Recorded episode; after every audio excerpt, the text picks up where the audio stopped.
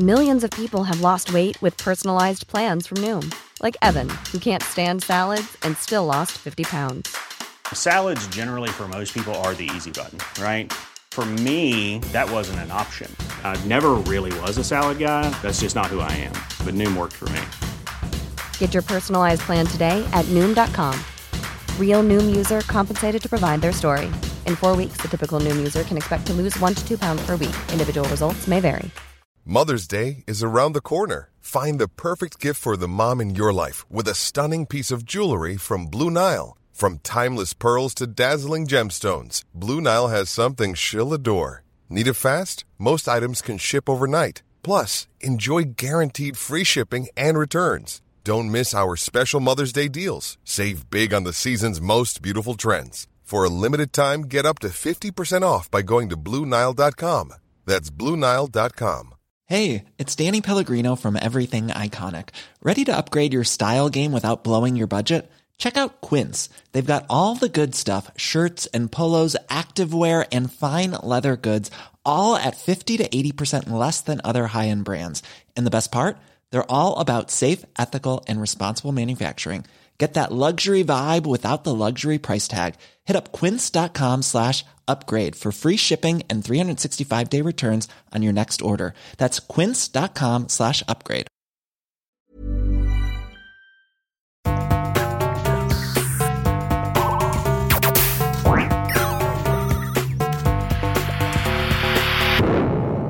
Velkommen til Sinnsyn. Jeg heter Sondre Risom Livre, er psykolog, og dette er Webpsykologens podkast. Hverdagspsykologi for fagfolk og folk flest.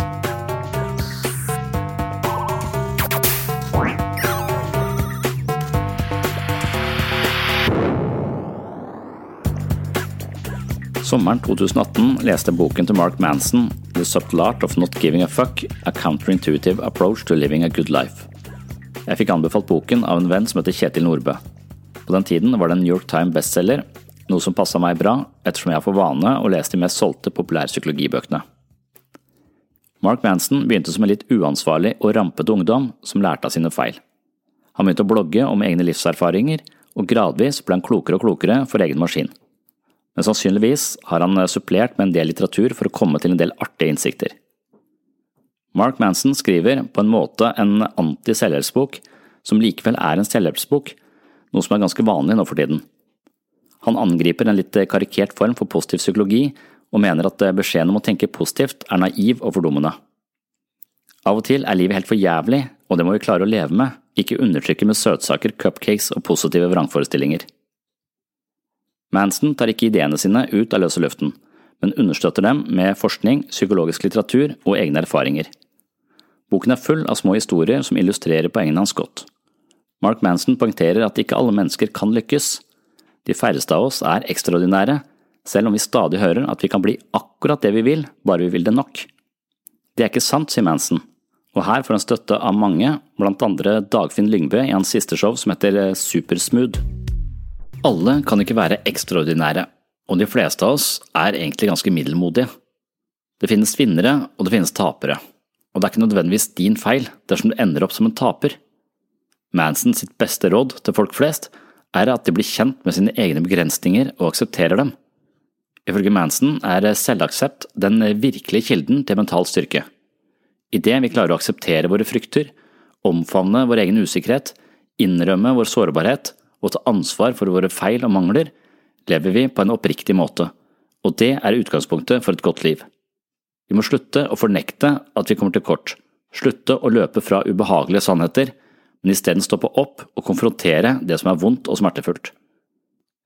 Først når vi tør å akseptere oss selv akkurat slik vi er, med alle de feilene og usikkerhetene som utgjør oss, kan vi gjenvinne det motet og den selvsikkerheten som de fleste av oss er på desperat utkikk etter. Mark Manson ga meg ikke så mange nye perspektiver. Det meste har vi hørt før, men han uttrykker det på en morsom måte. Han bruker nye ord og forteller nye historier som gir den gamle kunnskapen ny glød. Jeg må si at jeg likte boka veldig godt. Jeg kan ikke ta for meg alt han sier i denne boka, selv om det er fristende å reflektere over dette i de ti neste episodene her på Sinnsyn. Jeg skal nøye meg med å spille av en samtale jeg hadde med en reporter i VG om denne boka. For dette lydopptaket skal jeg gå inn i boka og nevne ett av de poengene som jeg selv syntes var artig formulert og ga meg stoff til ettertanke. Det er kapitlet som handler om eh, verdien av smerte.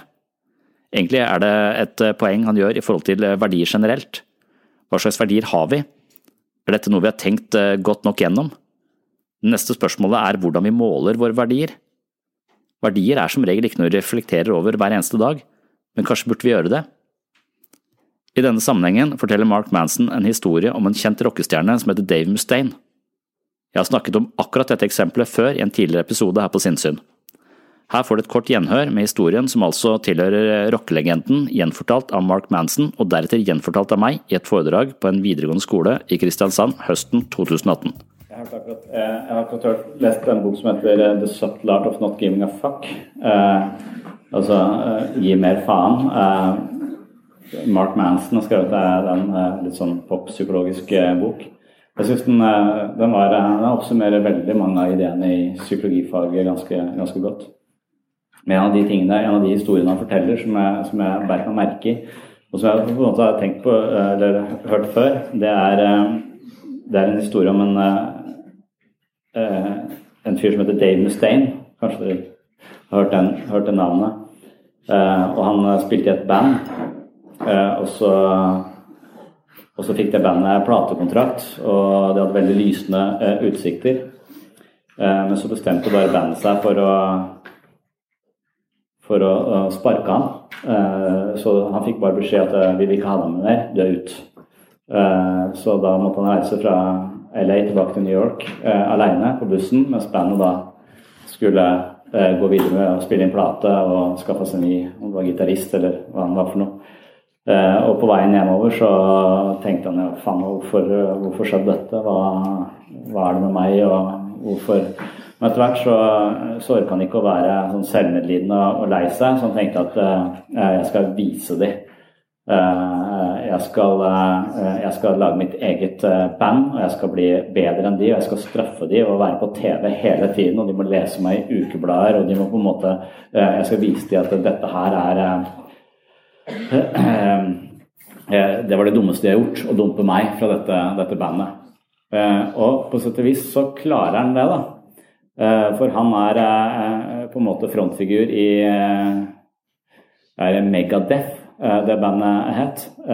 Og Megadeth det har jo solgt millioner av, av album, så han har kommet kjempelangt. Han gjorde det han skulle. Han hadde en sånn motivasjon som kanskje var liksom preget av hevn, nærmest. da. Han skulle liksom uh, uh, vise dem at de hadde gjort en, gjort en feil. Uh, problemet hans er at det bandet han ble sparka fra, var Metallica. Eh, så, eh, så, uansett hvor bra han gjorde det, så kunne han ikke måle seg med Metallica. Metallica har alltid, som et sånn rockeband, vært større enn Megadeth. Og han vil aldri kunne måle seg eh, med Metallica. Og, og så finnes det en og Poenget her altså er det skille mellom verdiene våre og den matriksen eller den, den måten vi måler hvorvidt vi lever opp til de verdiene, eller om vi er suksessfulle ut ifra de verdiene eh, vi har. Eh, og Det er en lignende historie om et annet band som het eh, The Beatles, hvor trommisen ble sparka på akkurat samme måte på akkurat samme tidspunkt rett før de fikk platekontrakt.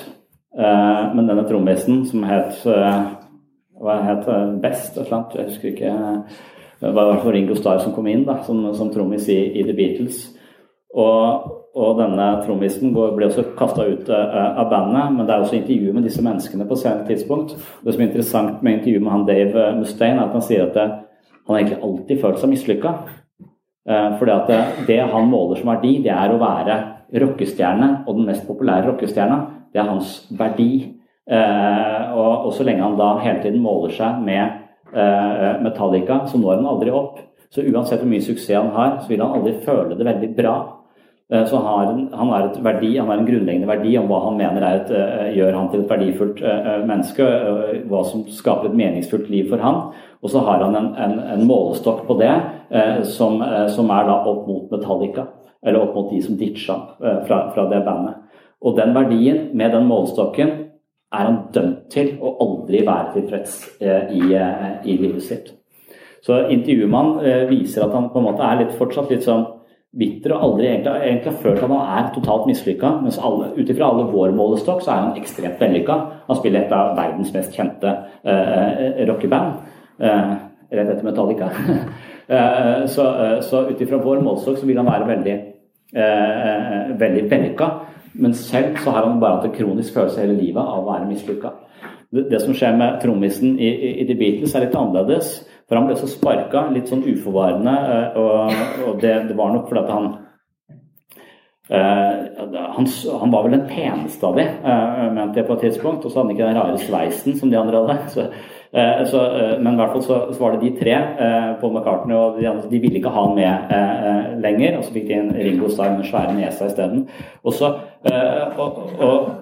men det som skjer med han, er at når, når, når du hører han eh, bli intervjua For han har ikke blitt en stor rockestjerne etter det han har spilt eh, eh, trommer og livnært seg på det, men han mener at det var det beste som skjedde han. Fordi det, når han ble sparka fra det bandet, så traff han kona si, og så fikk han barn, og så fikk han helt andre verdier. Det var Rockestjernen ikke viktig for ham lenger. Det var pappa var viktig for ham. Eh, han fikk helt andre verdier, og ut ifra de verdiene han da fikk, så hadde han lykkes veldig godt. Eh, så han målte seg ikke lenger med å være Han drev ikke en sånn konkurrerende virksomhet. Han endra verdiene sine og endra målestokkene sine og har, anser seg selv som har hatt et veldig, veldig godt eh, liv.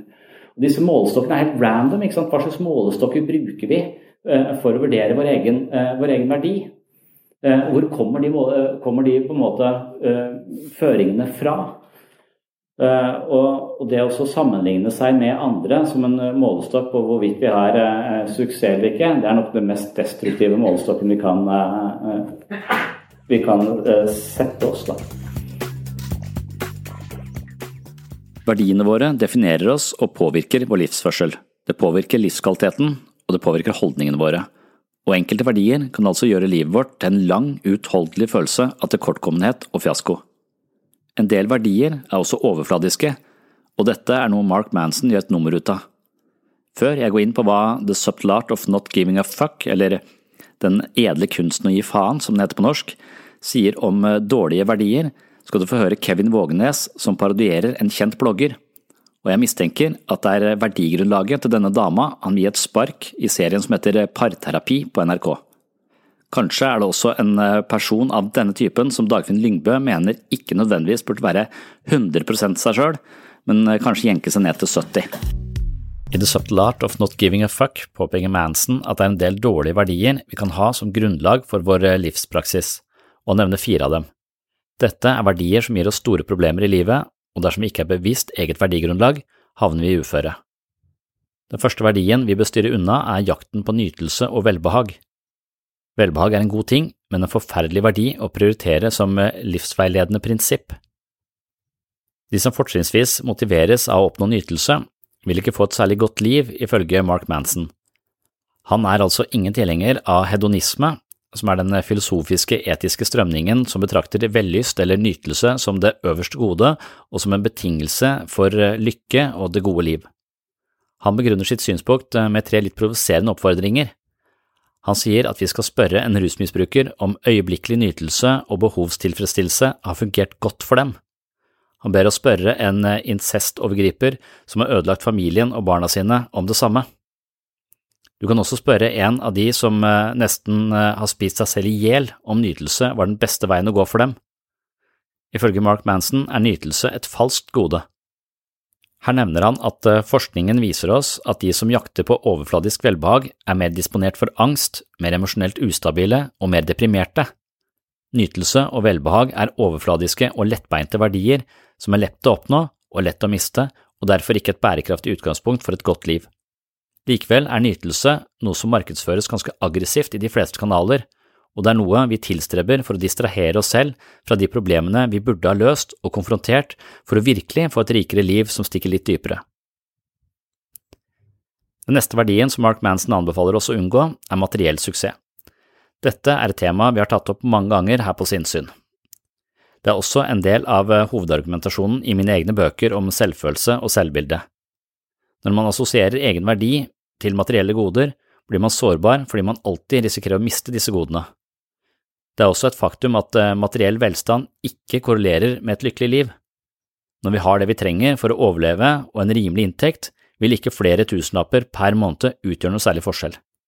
Hvis du lever rundt fattigdomsgrensen, like under eller på fattigdomsgrensen, vil du imidlertid oppleve livet som langt bedre med høyere inntekt.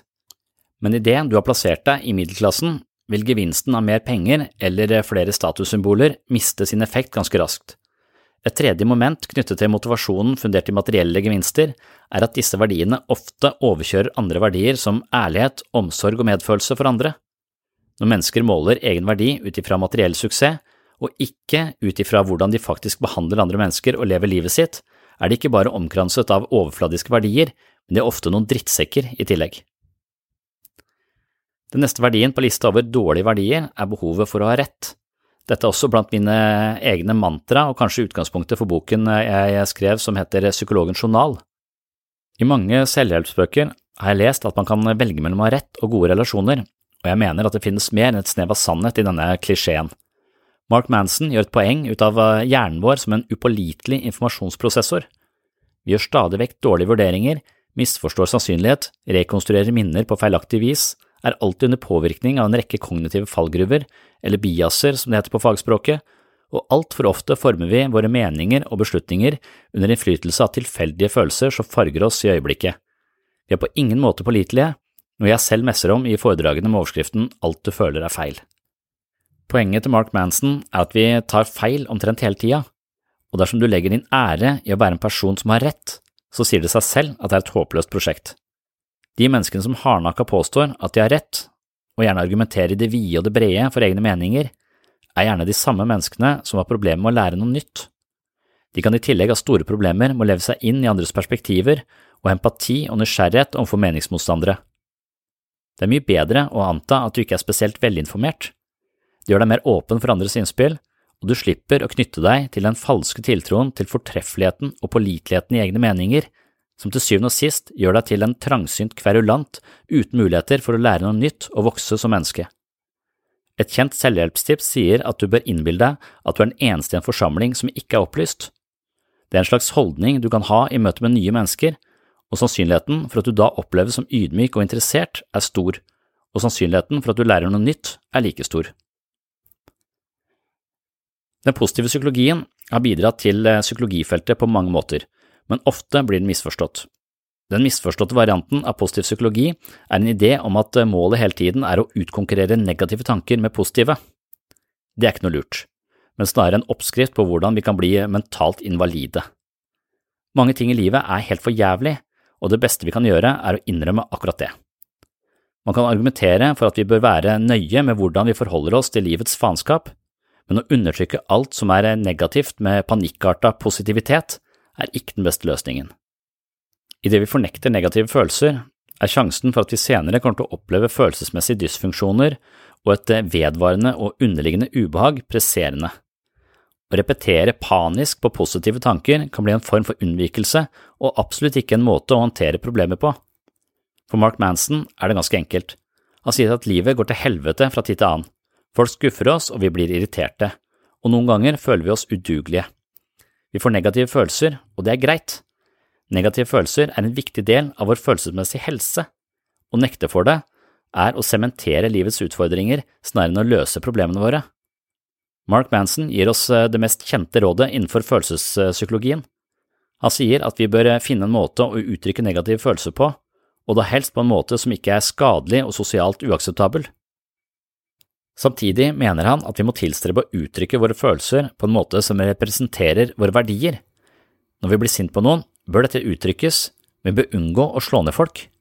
Dette er ikke veldig radikalt eller nytenkende, men en av mange viktige påminnelser i boken til Mark Manson. I denne sammenhengen legger han også vekt på at negative følelser er et helt sentralt element i et meningsfullt liv. Vi blir for eksempel mer fornøyde med oss selv dersom vi fullfører et maraton, enn ved å spise opp en sjokoladekake. Et maraton er beheftet med ganske mye smerte og ganske mange negative tanker og følelser underveis, i alle fall for de fleste av oss. Likevel er det slik at vi ofte kan hente både selvfølelse, selvtillit og en dypere form for tilfredsstillelse når vi klarer å fullføre tre mil i jevnt tempo. Å oppdra et barn gir oss mer tilfredsstillelse enn å lykkes i et videospill. Oppdragelse involverer et vidt spekter av negative følelser, usikkerhet, selvkritikk, dårlig samvittighet, irritasjon, bekymring osv., men det gjør livet vårt mer meningsfullt. Det er med andre ord mange aktiviteter som involverer både stress og sterkt ubehag. Når vi håndterer slike aktiviteter, kan de bli stående som noen av de mest meningsfulle situasjonene i livet. Psykoanalysens eh, far, eh, Sigmund Freud, er kjent for et sitat hvor han poengterer at de periodene i livet hvor vi strevde som verst, i retrospekt kan oppfattes som noe av det viktigste vi har opplevd. Konklusjonen er altså at nytelse, materiell velstand og suksess, alltid ha rett og alltid være positivt, er dårlige idealer eller grunnleggende verdier. Ofte er det slik at livets viktigste og mest uforglemmelige øyeblikk ikke er preget av verken nytelse, suksess eller noe som kan karakteriseres som veldig positivt. Dette er et av mange gode poeng i boken til Mark Manson. Nå skal jeg avslutte episoden med en samtale jeg hadde med journalist i VG, Kari Byklum, om boken The Subtle Art of Not Giving a Fuck, som kom på norsk i romjula, så vidt jeg vet. På norsk heter den altså Den edle kunsten å gi faen. Hallo, det er Kari Byklund. Ja, du, det er Sondre Livre her. Hei, så Hallo, ja. bra. Så bra.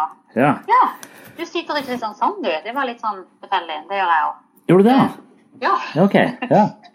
sånn er det. Verden er ikke så stor. Jeg googler rundt litt, Sånn, er det sånn Mhm. sånn jeg kom over det. Du, eh, så, eh, så bra at du kan være med. Altså, det, det som egentlig var utgangspunktet, var jo denne boka som kommer på norsk nå. Ok, ja. Um, ja, det, hun gjør det nå en, av dagene. Ok. Um, hun er kommet, men i nå i, nå i januar. Uh, så, så det er liksom bakgrunnen for at vi skriver en sak uh, til VG uh, om, om det. Mm.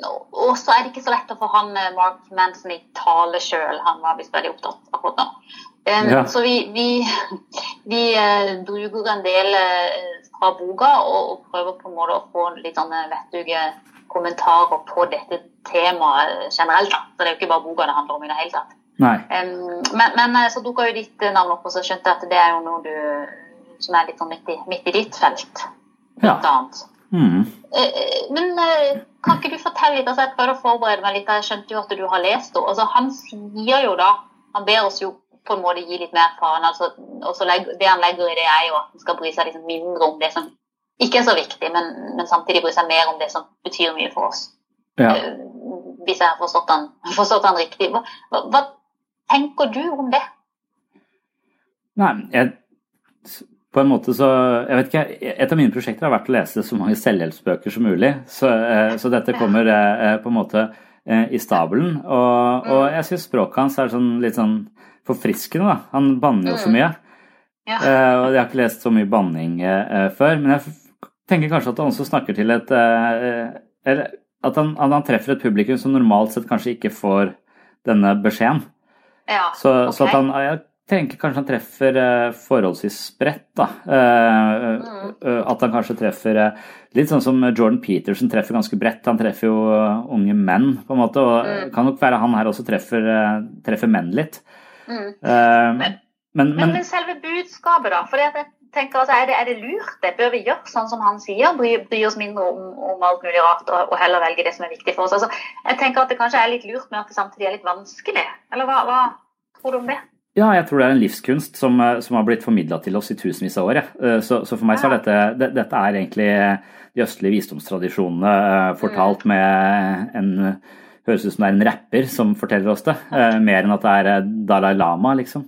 Ja, altså, det, er ikke- det er ikke noe nytt på en måte i det hele tatt. Nei, jeg syns ikke det er noe nytt. eh, jeg- Men jeg syns det er godt formulert. Og jeg tror liksom at det, at det eneste Jeg tror at det, på en på en eller annen måte så vet vi veldig masse om eh, hva som er bra for oss. Men, eh, men det handler om å formulere det på en måte så vi på en måte hacker den vanlige måten å tenke på. eh, Sånn at det når inn. Så psykologi handler jo egentlig bare om, om språk. Verktøyet vårt er jo språk.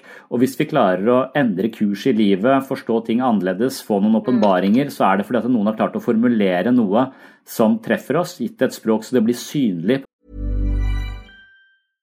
How would you like to look five years younger? In a clinical study, people that had volume added with Juvederm Voluma XC in the cheeks perceived themselves as looking five years younger at six months after treatment. Look younger, feel like you. Add volume for lift and contour in the cheeks with Juvederm Voluma XC. Reverse signs of aging by adding volume to smooth laugh lines with Juvederm Volure XC. For important safety information and to find a licensed specialist, visit juvederm.com. That's J U V E D E R M.com. Not for people with severe allergic reactions, allergies to lidocaine, or the proteins used in Juvederm. Common side effects include injection site redness, swelling, pain, tenderness, firmness, lumps, bumps, bruising, discoloration, or itching. There's a risk of unintentional injection into a blood vessel, which can cause vision abnormalities, blindness, stroke, temporary scabs, or scarring. Talk to a licensed specialist to find out if it's right for you. Normally, being a little extra might be a bit much, but not when it comes to healthcare. That's why United Healthcare's Health Protector Guard fixed indemnity insurance plans, underwritten by Golden Rule Insurance Company, supplement your primary plan so you manage out of pocket costs. Learn more at uh1.com. Hiring for your small business? If you're not looking for professionals on LinkedIn, you're looking in the wrong place. That's like looking for your car keys in a fish tank. LinkedIn helps you hire professionals you can't find anywhere else, even those who aren't actively searching for a new job but might be open to the perfect role. In a given month, over 70% of LinkedIn users don't even visit other leading job sites. So start looking in the right place. With LinkedIn, you can hire professionals like a professional. Post your free job on linkedin.com slash people today. Mom deserves the best, and there's no better place to shop for Mother's Day than Whole Foods Market. They're your destination for unbeatable savings, from premium gifts to show-stopping flowers and irresistible desserts. Start by saving 33% with Prime on all body care and candles. Then get a 15-stem bunch of tulips for just $9.99 each with Prime. Round out Mom's menu with festive rosé, irresistible berry chantilly cake, and more special treats. Come celebrate Mother's Day at Whole Foods Market. Mom deserves the best, and there's no better place to shop for Mother's Day than Whole Foods Market. They're your destination for unbeatable savings, from premium gifts to show-stopping flowers and irresistible desserts. Start by saving 33% with Prime on all body care and candles. Then get a 15-stem bunch of tulips for just $9.99 each with Prime. Round out Mom's menu with festive rosé, irresistible berry chantilly cake, and more special treats. Come celebrate Mother's Day at Whole Foods Market. Planning for your next trip? Elevate your travel style with Quince. Quince has all the jet setting essentials you'll want for your next getaway, like European linen, premium luggage options, buttery soft Italian leather bags, and so much more. And is all priced at 50 to 80% less than similar brands. Plus, Quince only works with factories that use safe and ethical manufacturing practices. Pack your bags with high-quality essentials you'll be wearing for vacations to come with Quince. Go to quince.com slash pack for free shipping and 365-day returns. på en måte. Før det så har vi kanskje hatt en fornemmelse av det, men det er ingen som har synliggjort det for oss. og det, vi, det, det blir synliggjort, så har vi en mulighet til å endre, endre på det. Så, og, så, og, så, er det liksom der, Du har han um, Ole Jakob Madsen som kritiserer psykologstanden og, og har skrevet en bok av 'Generasjon prestasjon' og mm. mener at uh, selvhjelpslitteraturen sykeliggjør samfunnet. Ja. Og, og så videre. Og, og det, det, mener også han Han er på en måte den norske versjonen av han Sven Brinkmann, som er den danske varianten som står imot selvutvikling. Mm. og Han har også skrevet flere bøker. Og denne boka ligner litt på de, da. For den sier Mm. liksom dette er ikke noen bok som skal få deg til å føle bra, fuck all sånn selvutvikling Mm. osv. Men så sier de akkurat det samme som majoriteten av selvhjelpsbøkene gjør, bare at de passer på å ikke gå i den fella så de kan bli kritisert for det, liksom. Ja. Eh, Det er eh, på en måte en selvhjelpbok uten at det skal være det. Det blir litt sånn omvendt psykologi. på en Ja. dritt litt på. Ja, det er litt det. For, så, sånn som uh, Sven Brinkmann skriver en, en bok mot selvhjelp, som er en selvhjelpsbok. Det er en anti-selvhjelpsbok som blir en selvhjelpsbok. Og det samme Ja. uh, er litt dette. Han skriver liksom at jeg skal ikke gjøre livet ditt fantastisk osv., men jeg skal uh, fortelle deg noe viktig. Og, og det han egentlig forteller oss, som, uh, som han forteller oss på en god måte, er at vi bør endre litt forholdet vi har til våre egne tanker. Eh, Så en del psykologi vil si, den psykologien de kanskje kritiserer, er at vi skal endre tankene våre. Vi skal tenke mer positivt eh, og, og tenke mindre negativt. Det vil for en, eh, for en buddhist være helt meningsløst eh, å, å se det på den måten, for de mener at tankene er korrupte uansett om de er positive eller negative. Så lenge du tror på tankene dine, som er filtrert via alle nevrosene dine, så er du ille ute. Du må forandre holdningen du har til ditt eget indre liv. Du må ta jeg, jeg, pleier å holde foredrag som sier sånn eh, aldri, Du må ikke stole på tankene dine, eller eh, alt du tenker er feil. Altså, hvis, hvis, vi på en måte går mer over til det, da. Din mening, ikke, ikke nødvendigvis mensen sin. altså Du sier også det at tankene er Det skal på en måte bare Skal han ikke kjenne etter på de? Høre etter på de? Jo, man skal uh, høre etter på de vel vitende om at de uh, um sannsynligvis eh, forteller bare et snev av sannhet. Problemet vårt er stort sett at vi, for, vi, vi tror på tankene eh, våre, og vi tror på følelsene eh, våre. Og, og det å ha en litt større avstand til det, ha det litt mer med en klype salt. fordi at det, Mm. Hele, all, all, vår menneskelige lidelse, altså smerten vår, er vi, vi, har ikke så mye smerte, egentlig. Veldig mye av det vi mm. lider av, er konsepter og ideer og forestillinger og fantasier vi har om oss selv og verden. Så veldig mye av de menneskene mm. jeg jobber med, det er jo fantasier de har som er installert av andre mennesker, som sier at de ikke har vært like gode som andre, at de ikke er like Eh, mye verdt uh, som andre. At de, uh, de er Ja, altså, de har, de har, fått installert ideer og tanker i huet sitt som har blitt en del av deres mm. operativsystem. Og så lenge de ikke reflekterer over at de har et operativsystem, og alle opplevelsene deres er fortolkninger de selv har gjort, så vil de bare leve som om det er sant. Men hvis du begynner å tenke at måten jeg tenker, føler og handler på, er ikke nødvendigvis mm. en, en sannhet, men det er min fortolkning farget av alle de menneskene jeg har møtt. Og det er en slags, mm. så Det de stimulerer, er metakognisjon, evnen til å tenke på sin egen måte å tenke på. Uh, uh, og det er litt det jeg føler han formidler også. Han sier at du skal ikke bry deg så mye. Så er det gi litt faen i det du tenker og føler, for det du tenker og føler er sannsynligvis veldig trivielt. Det er sånn at det, Hvis ikke mm. jeg blir uh, får et smil fra den personen, så betyr det at den personen ikke liker meg. Eller ja, altså, vi, vi jeg tenkte litt sånn om dattera mi. Jeg vet ikke om du kan ikke skrive det i, uh, i artikkelen, men, men uh, jeg har en datter på to år, og, og, hun har vondt. Og da har hun vondt, på en måte, fysisk vondt, det er bæsj i bleia, det svir eller et eller annet sånt noe. Ja. Mens dattera mi på ni hun begynner å tenke jeg lide på denne måten som er Hun sier at ja, nå er jeg veldig populær. Og så tenker jeg å nei, hva med neste uke, hvor du ikke er så populær? Altså, da begynner denne lidelsen, som er konsepter, mellommenneskelige ideer og fantasier vi har om vår egen verdi, som vi forankrer mm. utenfor oss selv i forgjengelige ting, og som vi bryr oss masse om. Og da går vi glipp av liksom alt, på en måte. Så vi er forledet til å Men, ja men, men du, altså, hvis vi da gir litt mer faen uh, Hvis på en måte kanskje ikke dattera di nå skal jeg bruke det som eksempel, men hvis hun da ikke er så opptatt av hvor populær hun er, så vil hun kanskje ikke være så opptatt av hvor upopulær hun kan bli neste uke. Uh, betyr det at liksom, ved å gi litt mer faen, så uh, får han rett og slett en bedre psykisk helse?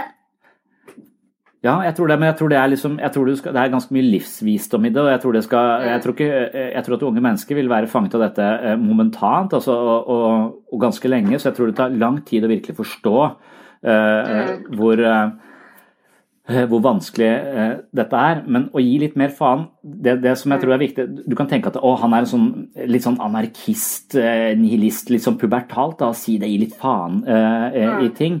Men, men, jeg tror nok han mener at vi i altfor stor grad bryr oss for mye om trivialiteter, da, som virkelig ikke har noen betydning. Og da bruker vi opp all vår oppmerksomhet på ting som er meningsløst, og så går vi glipp av det meningsfulle.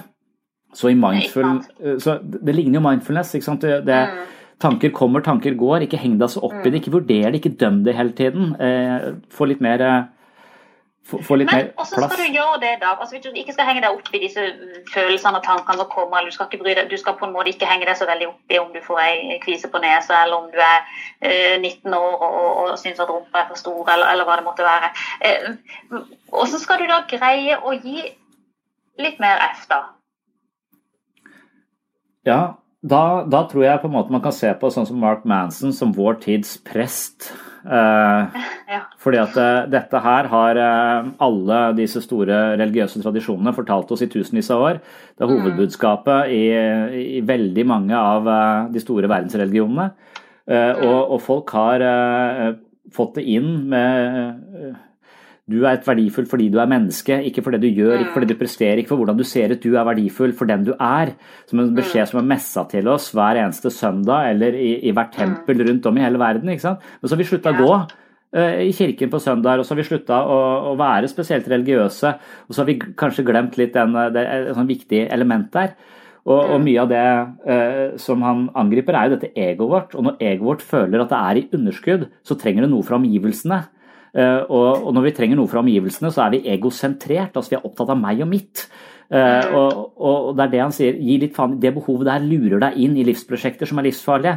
Hvis du kan være litt mer opptatt av det som virkelig mm. betyr noe, løfte blikket litt, være litt opptatt av andre, gi noe til andre og ikke være så innmari opptatt av å få noe, få noe selv, så, så, vil du se at livet har langt mer å by på enn det der eh, desperate mm. prosjektet du har for å bli hel, bare du får så mange likes, eller den bilen, eller den karrieren, eller den statusen. altså eh, det mm. derre drivet om å komme et sted. Den der, han prøver å slå liksom den der ideen vi har om lykke litt i stykker. da. Mm. Eh, hva som er et lykkelig liv. Og det tenker jeg er mm. lurt. Altså, det, er, det, er, stor forskjell på å være lykkelig og ha et meningsfullt liv. Et meningsfullt mm. liv er kanskje ofte fullt av smerte, det. Uh, ja. Mens et uh, lykke er noe som en flyktig følelse som eventuelt dukker opp i et uh, heldig øyeblikk. Men noe, hvis du bruker livet ditt på å jakte etter det, så er det et overfladisk prosjekt, sånn han, han ser det. Mm. Mm. Så, men hvordan skal ja?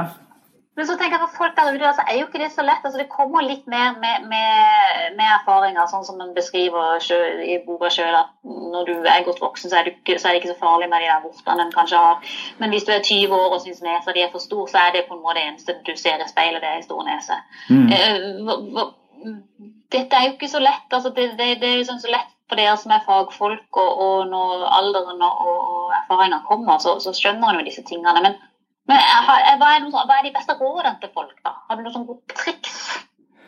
Nei, for dette her er litt sånn som jeg, jeg, prøver å Jeg snakker med mennesker om dette hver dag. Varianter mm. av det eh, Mark Manson eh, skriver om. Og, og, for meg så er Mark Manson en sånn bok som ah, enda et nytt eh, På en måte en, en, ny vinkling på det samme temaet.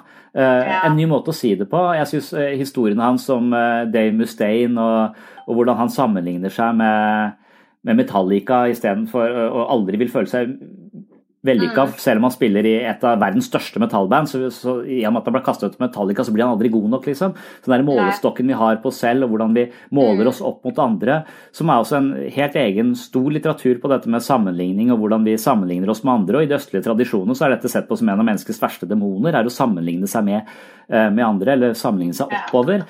Så, så, det at eh, han, han, For meg, så hva skal, hva skal, moderne mennesker gjøre? Kanskje de leser Mark Manson, og, og, så, og, så, får de eh, en, sånne små eh, touch av åpenbaringer som kanskje gjør at de kan endre litt kurs, eller begynne å tenke litt mer på sin egen måte å tolke seg selv og, og verden på. Men selv om du får den innsikten i et lite øyeblikk, eller du hører noen si det på en veldig smart måte, så vil det ikke endre livet ditt. Og Det er litt som at det å gå på Elexia nå i januar å trene vekter i en uke vil ikke endre din fysiske helse. Så jeg tror mental helse og fysisk helse er litt parallelt. Det fins ingen quick fix. Eh, dette er innsikt som må praktiseres, og det praktiseres ofte gjennom mindfulness, for at du observerer ditt eget ego. Du observerer tanker komme og gå uten å ta stilling til dem. Og idet du ser tankene dine, så er du den som ser tankene. Du er ikke tankene. Du er den som Nei. observerer tankene, og så skjer en slags fordobling der. Det er det som er meta, metakognisjonen i det. Og i det du tenker på din egen mm. tankegang, så er du på en måte Da aktiverer du prefrontal cortex, og du avslører ditt eget mentale operativsystem, for du ser at hm, jeg står her og ser på meg, tenker på verden sånn. Og da har du skapt et rom i deg selv som gjør at du i mm. neste gang du bare går på autopilot på en måte, og gjør det som du alltid har gjort, så kan det være du tenker oi, her er typisk at jeg tenker sånn og sånn, at jeg må ha den og den parkeringsplassen, eller at jeg mm. må fremstå som fantastisk i det selskapet, for da vil folk like meg. Men dette er jo den fella jeg går i. Hver gang jeg prøver for hardt, så driter jeg meg ut. Eh, jeg kanskje heller, Istedenfor å være så opptatt av meg selv i dette selskapet, skal jeg kanskje bruke all min kapasitet på å lytte til andre. Eh, da kommer jeg ofte mm. bedre ut av det. Altså, du, du, du, du tar med deg den innsikten, og det er litt som å ha sterke mentale muskler. Å komme på det når det virkelig gjelder. Men når det virkelig mm. gjelder, så er vi ofte følelsesmessig pressa, og da har vi kobla ut prefrontal cortex, og så går vi mm. på autopilot. mm. Så, så. Du, det må jeg sende seg til deg, for du snakker jo masse og full fart hele tida. Så, eh, så, jeg prøver også ned noe. Ja. noe, vet vet ikke. Men, men eh, hvorfor er det sånn at, at, noen av oss blir mer såra, mens andre lar ting prelle lettere av? Eh, noen er jo flinkere altså Noen krisemaksimerer jo eh, ting og ser fanden på veggen holdt på å si uansett. Ja. Og tror at hvis noen har ikke svart på en mail, så betyr det at de ikke li liker det, mens andre kanskje tenker at nei, nei han eller hun har bare glemt det. Mm. Så sånn er vi jo så forskjellige. Ja. Eh, hva, hva er, det, er det medfødt? Hva er det, beste, hva er det beste vi skal gjøre da? Og på en måte bli litt mer sånn hardhuda, kanskje? Ja, jeg tror man skal Da kan man si man kan gi litt mer faen, men det høres ut som man liksom skal drite i andre mennesker, og det skal man absolutt ikke. Altså, andre Nei. mennesker er det viktigste for oss, og det å klare å inngå i, i gode relasjoner til andre mennesker er eh, det som predikerer vår både fysisk og psykisk helse. Altså De som har gode relasjoner, de Ja. lever ti år lenger, og de er mye mindre på sykehus. Så, så det er ekstremt viktig å ha gode relasjoner. Men hvis du er veldig selvopptatt og opptatt av at andre skal like deg hele tiden, f.eks., eh, så, så er du ikke opptatt av andre, du er opptatt av deg sjøl. Eh, Noen sier til meg at ja, jeg, er så opptatt, jeg er sånn som ofrer meg for andre og hjelper andre hele tiden, men jeg får aldri noe tilbake igjen. Altså, og, og det også, men hvorfor gjør du det? Gjør du det av genuin omsorg for andre, eller gjør du det for å bli likt? Altså, veldig mange gjør det av en sånn egosentrisk eh, motivasjon.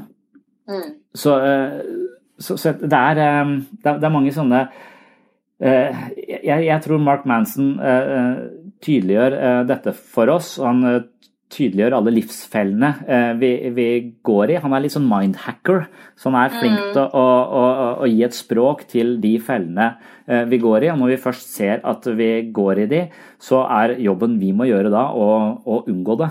Eh, Og det er litt som å løfte vekter. Det krever trening, trening, trening, trening. Og Mm. introspeksjon, en form for selvinnsikt, på en måte, er, er en vei å gå.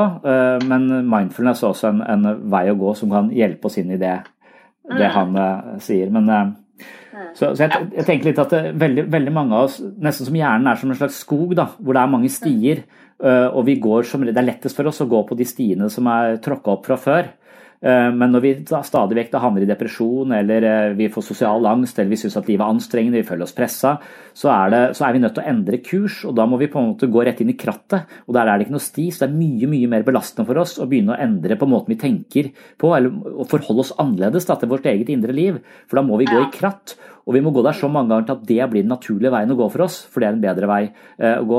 Så grunnen til at en bok, boka til Mark Manson kan ikke forandre livet ditt, men det kan vise deg noen av livsfellene eh, du går i, og han er flink, syns jeg, til å sette, det, sette ord på det på en sånn måte at det blir virkelig tydelig eh, for oss, og da kan det være noe som motiverer oss til å, eh, til å begynne å tenke mer over det. Mm, ikke sant. Du, dette er Ja. bra.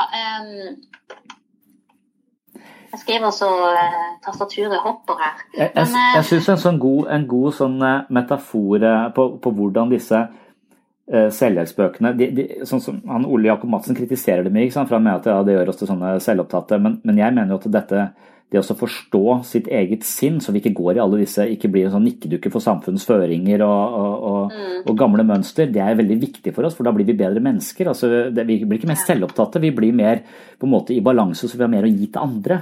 Og Det aspektet syns jeg ikke så ofte kommer, eh, kommer frem hos eh, de som kritiserer denne litteraturen. Men, men liker, det er en filosof som heter Daniel Dennett, og han har sagt at uh, uh, han, han har snakket om noe som heter Flynn-effekten, som er et sånn artig fenomen som, som sier at uh, mennesker blir smartere og smartere. Eh, og, Det ser han på IQ-testen. Vi har en sånn Vice-test som, som hele tiden må revideres, fordi at gjennomsnittet skal ligge på 100. ikke sant? 100 skal være gjennomsnittet i befolkningen. Og med en gang testen eh, eh, på en måte viser at gjennomsnittet i befolkningen plutselig har gått opp, så må testen revideres og sørge for at vi kommer tilbake til 100 som det er også vanskelig ja. Ja, så hvis, og hvis vi som lever i dag, i 2019 som det er, som det er nå, hadde tatt testen fra eh, 1930, så hadde vi eh, eh, scoret i gjennomsnitt 130. Eh, Så, da hadde gjen, så, så mennesket har blitt smartere og smartere. Og da er det ikke noe sånn at eh, Vi, vi tror nok ikke at at hjernen vår har utvikla seg, eller evolusjonen har gjort at vi har fått en større hjerne, men Daniel Dennett mener kanskje at vi har lært oss å tenke på nye måter som gjør oss klokere. Så han ser litt på menneskets hjerne som en slags telefon. Jo flere apper du får, jo flere ting kan telefonen. Og sånn sett så tenker jeg at boka til, eh, til Manson er litt full av mentale apper som det faktisk kan være mulig å, å bruke og bli litt psykologisk smartere hvis du, Ja. eh, hvis du leser det. Så, så det er det som er på en måte psykologien, er det verktøyet vi har. Det er å få nye apper som, som hacker litt Mm. av de der mentale mønstrene våre. Mm. Så bra. Du, det, det er kjempefint. Jeg, jeg tror jeg har mer enn nok. Jeg må prøve å få dette her ned på en vettug måte. Og så sender jeg det Ja. på en sitatsjekk til deg. Ja. Um, så kan du heller tilføre hvis det er noe du ser at det her har jeg misforstått helt, eller ja. Ja, Det er vanskelig å skrive denne boka, for hvert kapittel handler om et eget felt innenfor eh, selvutviklingslitteraturen, kan vi si. Så, Mm, mm, så. Verdien er av å, å lide, og du er ikke spesiell, og lykke er et problem, alt det der har eh, andre skrevet hele bøker om. Så Ja, det er ikke sant. Og så skal dette være en bok uh, som skal fange litt sånn leserne som kanskje ikke setter seg så veldig dypt inn i det, men de er jo gjerne litt sånn hungrige på sånne gode råd og tips, og det er jo gjerne det. Så, Ja. så ja. Mm. Men jeg skal, jeg skal prøve å få litt ned, og så sender jeg det over til en, på en sitatsjekk eh, til deg også. Du har ikke tilfeldigvis en veldig god kollega eller to som også kan bruke som kilde? Jeg har noen andre, men jeg har ikke på en måte jobba meg helt ferdig ennå. Men noen andre noen andre steder i landet som eh, det bør ikke nødvendigvis være en psykolog, eh, eller Ja, The Subtle Art of Not Giving a Fuck. Eh, nei, jeg Jeg vil tro at mange av mine kollegaer kanskje uh, syns den er litt sånn lettbeint. da. At uh, Ja. psykologer uh, typisk syns at sånn selvhjelpslitteratur er litt lettbeint. Men uh, Ja. jeg tilhører ikke nødvendigvis den kategorien. Men jeg fikk den anbefalt av, eh, av en som heter Kjetil eh, eh, Nordbø, eh, som eh, er i Stavanger, og som er, var eh, leder, eller var- han formann i Human-Etisk Forbund eh, her i Aust- og Vest-Agder. Eh, Så han, eh, han er en sånn interessert type eh, som, som har eid en elefant. Eh, ja, så han spurte meg om hva jeg syntes om den boka, og da hadde jeg ikke lest den. Så det var sånn jeg sånn kom, kom til å lese den. Mm. Mm, ja. Men du, det er kjempebra. Eh, da ser jeg på det, også. ja.